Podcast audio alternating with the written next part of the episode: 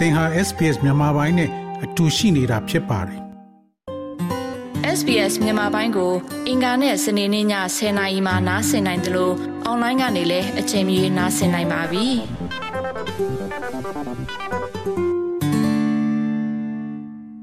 ပြည်သူအများမျှော်လင့်နေကြတဲ့တိုင်းရင်းသားလက်နက်ကိုင်အဖွဲ့အစည်းကြီးတွေရဲ့တိုက်ပွဲဖော်ဆောင်မှုတွေကဒီရက်ပိုင်းမှာဇက်တိုက်ဆိုသလိုထွက်ပေါ်လာပါတယ်။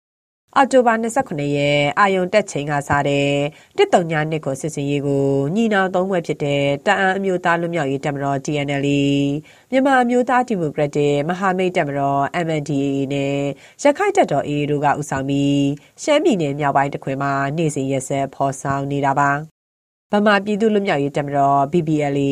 ပြည်သူ့လွတ်မြောက်ရေးတပ်မတော် PLA နဲ့ပြည်သူ့ကာကွယ်ရေးတပ်မတော် PDF တို့လည်းဒီစစ်စင်ရေးမှာပါဝင်လှုပ်ရှားနေတာဖြစ်ပါတယ်။စစ်စင်ရေးစတင်တဲ့28ရက်နေ့မှာပဲပူးပေါင်းတပ်တွေက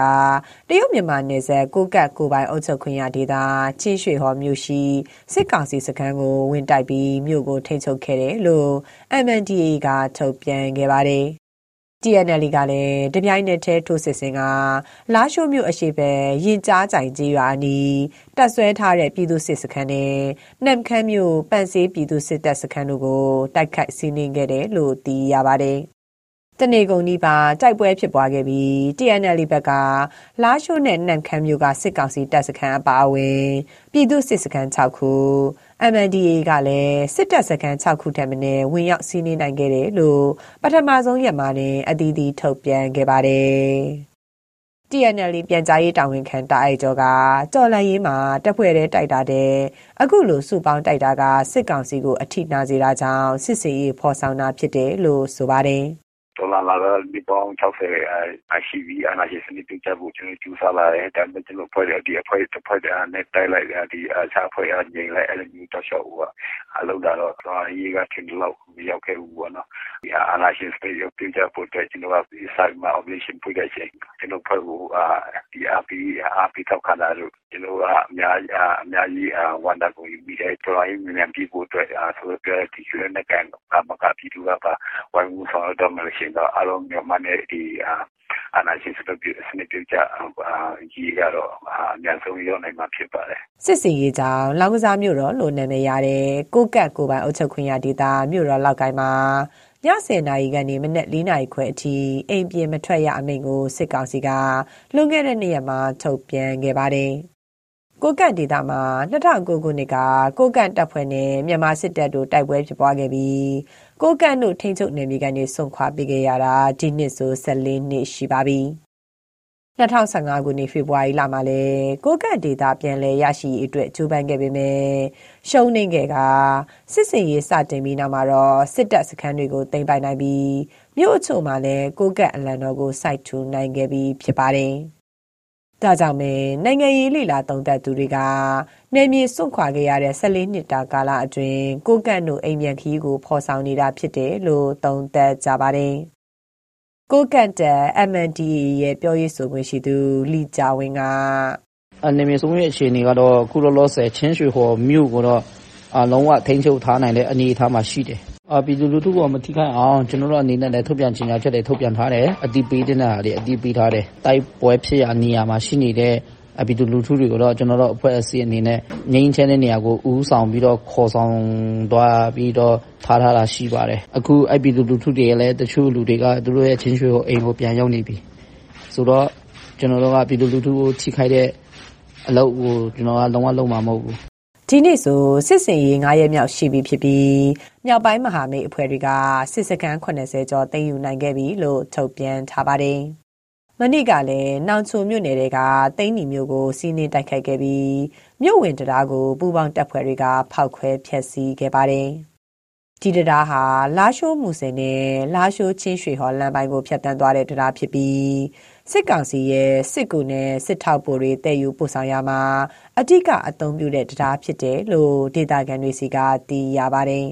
။ဒါအပြင်စစ်တပ်နယ်မြေပြည်ဦးလေမျိုးနဲ့နီကတဲ့နောင်ချိုမျိုးနဲ့ဂုတ်ထိတ်တရားတို့ကိုထိမ့်ချုပ်နိုင်ပြီဖြစ်တယ်လို့လည်းမဟာမိတ်အဖွဲ့ကထုတ်ပြန်ထားပါတယ်။ စစ်စီရေးစတင်ခြင်းကစပြီးမဟာမိတ်သုံးဘွဲ့အပြင်ကချင်လွတ်လပ်ရေးတပ်မတော် KIA နဲ့တခြားမဟာမိတ်တပ်တွေကလည်းစစ်စီရေးရဲ့အရေးကြီးတဲ့နေရာတွေနဲ့အထောက်ပံ့ဖြစ်စေတဲ့နေရာတွေမှာတိုက်ပွဲဖော်ဆောင်နေတယ်လို့ Operation 139ကထုတ်ပြန်ပါတယ်။တိုက်ပွဲဖြစ်ပွားရာနေရာတွေမှာလည်းစစ်ကောင်စီကမြေပြင်တိုက်ခိုက်မှုတဲ့လေကြောင်းတိုက်ခိုက်မှုတွေကိုပုံမပြုလုပ်လာတာပါ။ ဒီလိုလေကြောင်းတိုက်ခိုက်မှုတွေဟာစစ်ကောင်စီရဲ့နောက်ဆုံးလက်နက်ဖြစ်တယ်လို့ပြောလာသူကကချင်လွတ်လပ်ရေးတပ်မတော် KIA ရဲ့ပြောခွင့်ရဗိုလ်မှူးကြီးနော်ဘူးပါစစ်ကောင်စီဘက်ကလည်းဒီကတနိုင်ငံလုံးအသက်အတာနဲ့သူကလေကြောင်းနဲ့တိုက်ခိုက်တယ်မင်းကြီးနဲ့တိုက်ခိုက်တဲ့အနေထားဖြစ်နေတာအဲမြေပြင်စစ်စီရဲဆိုတာသူတို့မလွတ်တော့ဖြစ်နေတာဆိုတော့သူတို့တော့လည်းတော်တော်တော့အခက်ခဲကြုံနေတာအဲချက်တည်းကြုံနေတယ်လို့တော့အဲ သုံးသပ်မိတာပေါ့သုံးသပ်လို့ရတာပေါ့အဲကျွန်တော်တို့ဒီတူလူထုတွေကျွန်တော်တို့တိုင်းသားတွေရတိရထိုက်တဲ့နိုင်ငံရဲ့အခွင့်အရေးကိုတော့ကျွန်တော်ဆုံးရှုံးသွားတာဖြစ်ပါတယ်ဒါကြောင့်ခုလိုမျိုး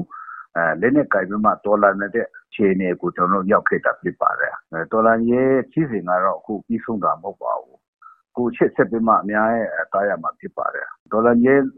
အားတယ်တွေကိုအောင်မြင်မှုမရသေးဘူးကတော့ကျွန်တော်တို့ဒီလိုလူထုရဲ့ခက်ခဲမှုတွေကျွန်တော်တို့ရဲ့အဖြစ်နဲ့ခံဘဝကလည်း လွတ်မြောက်နိုင်မှာမဟုတ်ပါဘူး။ဒါကြောင့်ပြည်သူလူထုလည်းတော်လှန်ရေးလမ်းစဉ်တွေကိုပေါ့နော်မဆုတ်မနစ်ဘဲနဲ့ကြိုးစားဖို့အရေးကြီးပါတယ်။ကူညီပံ့ပိုးလည်းပို့လည်းအရေးကြီးပါတယ်။မဟုတ်လို့ရှိရင်တော့ကျွန်တော်တို့မြန်မာနိုင်ငံရဲ့ငြိမ်းချမ်းရေးဆိုတာကတော့ဝေးတဲ့ထက်ဝေးသွားမှာကိုကျွန်တော်တို့စိုးရိမ်ဖို့ကောင်းဆုံးဖြစ်မှာပါ မြောက်ပိုင်းညီနောင်သုံးဘွဲရဲ့စစ်စင်ရေးနဲ့အပြိုင်ကရင်ပြည်နယ်ကော့ဂရိတ်မှာလည်း28ရက်ကစပြီးကရင်မျိုးသားအစည်းအရုံး KNU နဲ့ပူးပေါင်းအဖွဲ့ကစစ်ဖက်ရေးရာလုံခြုံရေးတပ်ဖွဲ့ရုံးနဲ့တည်င်းရဲတပ်ဖွဲ့ရုံးတို့ကိုဝင်ရောက်တိုက်ခိုက်ဖျက်ဆီးခဲ့ပါတယ်။ကရင်ပြည်နယ်အပါအဝင်စကိုင်းကရင်ပြည်ဘက်တွေမှာလည်းတိုက်ပွဲတွေဆက်တိုက်ဖြစ်နေတာပါ။ စီရေးလေလာသုံးသက်သူတွေကတော့ရှမ်းမြောက်ကစတင်တဲ့စစ်စီရေးနဲ့အတူတခြားပြည်နယ်နဲ့တိုင်းတွေမှာလည်းစစ်ပွဲတွေဆက်ဖြစ်လာနိုင်တယ်လို့ဆိုကြပါတယ်။တိုက်ပွဲတွေအတွင်းစစ်ကောင်စီဘက်ကထိခိုက်ကြဆုံးမှုများခဲ့တယ်လို့တော်လန်ရေးအဖွဲ့တွေဘက်မှလည်းအထိခိုက်အကြဆုံးအချို့ရှိတယ်လို့အဖွဲ့တွေရဲ့ထုတ်ပြန်ချက်မှာတွေ့ရပါတယ်။တိုက်ပွဲတွေရဲ့နောက်ဆက်တွဲအနေနဲ့တစ်ဖက်မှာလည်းစစ်ဝေးရှောင်အရေးအတွက်ကမြင့်ကျက်လာနေတာပါ။ လက်ရှိရှမ်းမြောက်အတွင်းမှာလည်းစစ်ရေးအရှိန်မြင့်မှုတွေကြောင့်မုံကိုမြို့နယ်ပန်ဆိုင်မြို့နယ်အပါအဝင် တခြားမြို့နယ်အချို့တွေမှာဒေသခံတွေစစ်ပေးရှောင်နေရတဲ့အခြေအနေရောက်နေပါပြီ။ပန်ဆိုင်ဒေသခံကိုရောနှစ်တန်းကမြို့ပြင်မှာတော့တိုက်ပွဲဖြစ်နေတဲ့ခါကျတော့ဒီမြို့တွင်းမှာညပိုက်ဆိုညလို့ပေါ့မှာမြို့ပြင်ဘက်မှာလက်နဲ့ကြည့်တာနဲ့ကြားနေရတယ်အဲ့ဒါလည်းနည်းနည်းကြောက်ရခန်းထဲမှာတော့ဒီမှာည 9နာရီနောက်ပိုင်းဆိုအဲ့လိုပဲနေကြတယ်။လမ်းတွေမှာလူမရှိတော့9နာရီနောက်ပိုင်းဆိုလူတယောက်မှမရှိတော့ဘူး။နည်းနည်းမြို့ပြင်ကြတော့အန်တယ်စစ်နေပြင်နေလူတွေတော့ဟိုဘက်ဟိုတရုတ်မြန်မာနယ်ဆက်တဲ့ရင်းရင်းနေဆိုတော့အဲ့ဝင်းဖက်မှာဆက်ဆောင်တဲ့လူတွေတော့တော်အဲ့တော့မှ3နေရလောက်တော့ရှိနေတယ်နော်။ခေါင်းကတော့ MPP ရဲ့မန်တော့အလဲကျပြက်နေတာဒါပဲတစ်ချက်တစ်ချက်ရတယ်။ပြက်လိုက်ရလာလိုက်ပြက်လိုက်လာလိုက်အဲ့လိုပဲသွားနေတာပဲ။ ပြင်ပြင်ပြင်ဖို့ကြတော့လည်းခက်တယ်ဒီတော့လည်းလည်းလည်းစားတယ်လည်းအများကြီးပဲနိုင်တဲ့စီလည်းမရှိဘူးနော်ပြကြတော့လည်းဘယ်လိုပြောမလဲမတတ်နိုင်ဘူးလို့ပြောမှာပဲဆန်ကလည်းတဲ့ကိုမသိဘူးဒီမှာရှိနေပြီဆိုတော့ဘယ်လိုမှအဲ့ဒီမဲ့လုံးလေးအဲ့ဒီဝယ်စီနိုင်လာတဲ့စီမရှိဘူးမုန်ကိုဖတ်ကြတော့လည်းပြေးနေသွားလို့နေပါဘူးဆက်ဖတ်ကြတော့ဒီမှာလည်းဆက်ပွဲဖြစ်နေသွားမှာဆိုကိုလို့ပန်းဆိုင်ရတော့တောင်ပိတ်နေတဲ့သဘောပေါ့ အာနာသိန်းကာလအတွင်း နိုင်ငံတော်ဝင်လက်နက်ကင်ပဋိပက္ခတိုက်ပွဲပေါင်း11000ကျော် ဖြစ်ပွားခဲ့တယ်လို့ ISB မြန်မာက ထုတ်ပြန်တဲ့ အခုရက်ပိုင်းစီးရင်တွေအရ သိရပါတယ်။2023တနှစ်ထဲမှာနိုင်ငံအနှံတိုက်ပွဲပေါင်း2800ကျော် ရှိခဲ့ပြီး48ရာခိုင်နှုန်းက EAO ဒေသခံကာကွယ်ရေး ပူးပေါင်းတပ်တွေနဲ့ စစ်ကောင်စီတို့အကြား ဖြစ်ပွားခဲ့တာပါ။ 41ရာခိုင်နှုန်းကျော်ကတော့ဒေသခံကာကွယ်ရေးတပ်ဖွဲ့တွေနဲ့စစ်ကောင်စီအကြားဖြစ်ပွားခဲ့တာလို့သိရပါတယ်။ဒီလိုပြည်တွင်းစစ်မီးတွေတောက်လောင်နေပေမဲ့စစ်ကောင်စီကိုတရားဝင်အစိုးရအဖြစ်သတ်မှတ်ထားတဲ့နိုင်ငံတကာရဲ့အထီးရောက်တဲ့အပြစ်ပေးအရေးယူတားဆီးမှုတွေကိုအာဏာသိမ်းကာလ၃နှစ်နီးပါးကြာချိန်အထိပြည်သူတွေမခံစားရသေးပါဘူး။ အခုအခင်းချင်းမှာတော့အိမ်နေချင်းနိုင်ငံတွေရဲ့ကုညီထောက်ပံ့မှုတွေကြောင့်ဒီလိုစစ်ရေးဖော်ဆောင်နိုင်တာဖြစ်တယ်လို့ဝါရစ်တော်လှန်ရေးသမားတွေကသုံးသပ်ကြပါတယ်ဒါကြောင့်တော်လှန်ရေးအောင်မြင်နိုင်ဖို့အိမ်နီးချင်းနိုင်ငံတွေရဲ့ယုံကြည်မှုကိုပျက်စီးအောင်မလုပ်ဖို့အရေးကြီးတယ်လို့ကရင်ဝါရင်တော်လှန်ရေးသမားဘဒိုမမန်းကဆိုပါတယ် အထူးသဖြင့်စီရေးနဲ့ နိုင်ငံရေးကို ခြုံပြီးတော့ ပြောရရင်ခဏကျွန်တော်တို့ အောင်ပွဲရနေတယ် ဆိုတာကလည်း အဓိက ပြည်သူလူထုတွေရဲ့ ထောက်ခံအားပေးမှုပေါ့နော်ဒီပြည့်ပြည့်တဲ့ မြောက်ပိုင်းဒေသရဲ့အင်းနီးနားရှင်းနိုင်ငံတွေရဲ့တိုင်းတာတစ်ခုတည်းတဲ့ကျွန်တော်တို့အတွက်အတိမပြုမှုတွေတည်နေတယ်လို့တော့ ကျွန်တော်ရေပုံရခံမှန်းပြောလို့ရပါတယ် ပေါ့။ဒီနေ့ကာလမှာ နေပြည်တော်အစိုးရ စစ်အစိုးရ စစ်ကောင်စီအစိုးရ အဲ့ဒီဟာတွေကို ပတ်သက်ပြန်သူတို့အုပ်ချုပ်ရေး မရှိတော့ဘူးဆိုတာ ကျွန်တော်တို့က ပြဖို့လိုတယ်။ဟိုနိုင်ငံရေးရအုပ်ချုပ်ရေးရရော နောက် စီးပွားရေး ရင်းနှီးမြှုပ်နှံမှုရရော ဆက်ဆံမှု မလုပ်ဖို့ဟိုကလည်း ကျွန်တော်တို့ကလည်းဒါကိုလည်းပဲ ဝိုင်းပြီးတော့မှဒါဖိအားပေး တိုက်တွန်းရမှာ ဖြစ်တယ်။နောက်တစ်ချိန်တည်းမှာဒီနိုင်ငံရေး စီးပွားရေးအရာကလည်း ကျွန်တော်လက်ထဲမှာ ရှိနေပါတယ် ကျွန်တော်တို့ဒါလည်းတောင်း ရှိတယ် ကျွန်တော်တို့တောင်းခံနေပါတယ်ဆိုတော့ကျွန်တော်တို့ရဲ့ accountability ဘိုင်းအောင်လည်းပဲ ကျွန်တော်တို့အနေနဲ့ကတော့ဒီတိုင်းသားနေနေဒေသထဲမှာတော့ပြဖို့လိုပါလိမ့်မယ် အဲ့ဒါမှသာလျှင်တော့ကျွန်တော်အင်္ဂလိပ်နိုင်ငံနဲ့ကျွန်တော်တို့ကို ယုံကြည်စိတ်ချမှာ ဖြစ်ပါတယ် Federal Democracy ပန်းနိုင်ကို သွားနေတဲ့ တော်လှန်ရေးမှာ တိုင်းရင်းသား လက်နက်ကင်တွေရဲ့ ပါဝင်မှုက ပြည်သူတွေအတွက် အားတစ်ခုလို့ ဆိုနိုင်ပါတယ်။ဆယ်လပိုင်း20ခွန်ကစတင်လိုက်တဲ့ မြောက်ပိုင်းမဟာမိတ်သုံးဘွဲ့ရဲ့139ခွန်စစ်စင်ရေးနဲ့ ကရင်ပြည်နယ်ကချင်ပြည်နယ်ကတိုင်းရင်းသားလက်နက်ကိုင်အဖွဲ့တွေဥဆောင်တဲ့အောင်မြင်မှုတွေနဲ့အတူသုံးနှစ်နီးပါးတောက်ခံလာတဲ့ပြည်သူတွေရဲ့မျှော်လင့်ချက်တွေဟာလည်းပြန်လည်တောက်ပါလို့လာနေပါပြီ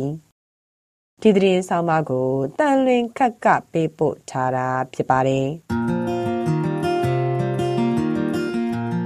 SBS မြန်မာပိုင်းကိုအင်ကာနဲ့စနေနေ့ည10:00နာရီမှနားဆင်နိုင်ပါတယ်။နားဆင်နိုင်တဲ့နည်းလမ်းအများကြီးရှိပါတယ်။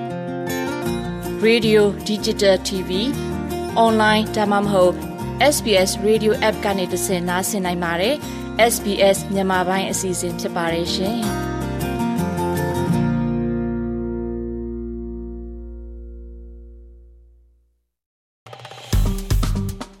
SPS မြန်မာပိုင်းကို Facebook ပေါ်မှာ like ရှာပြီး like မျှဝေမှတ်ချက်ပေးပါ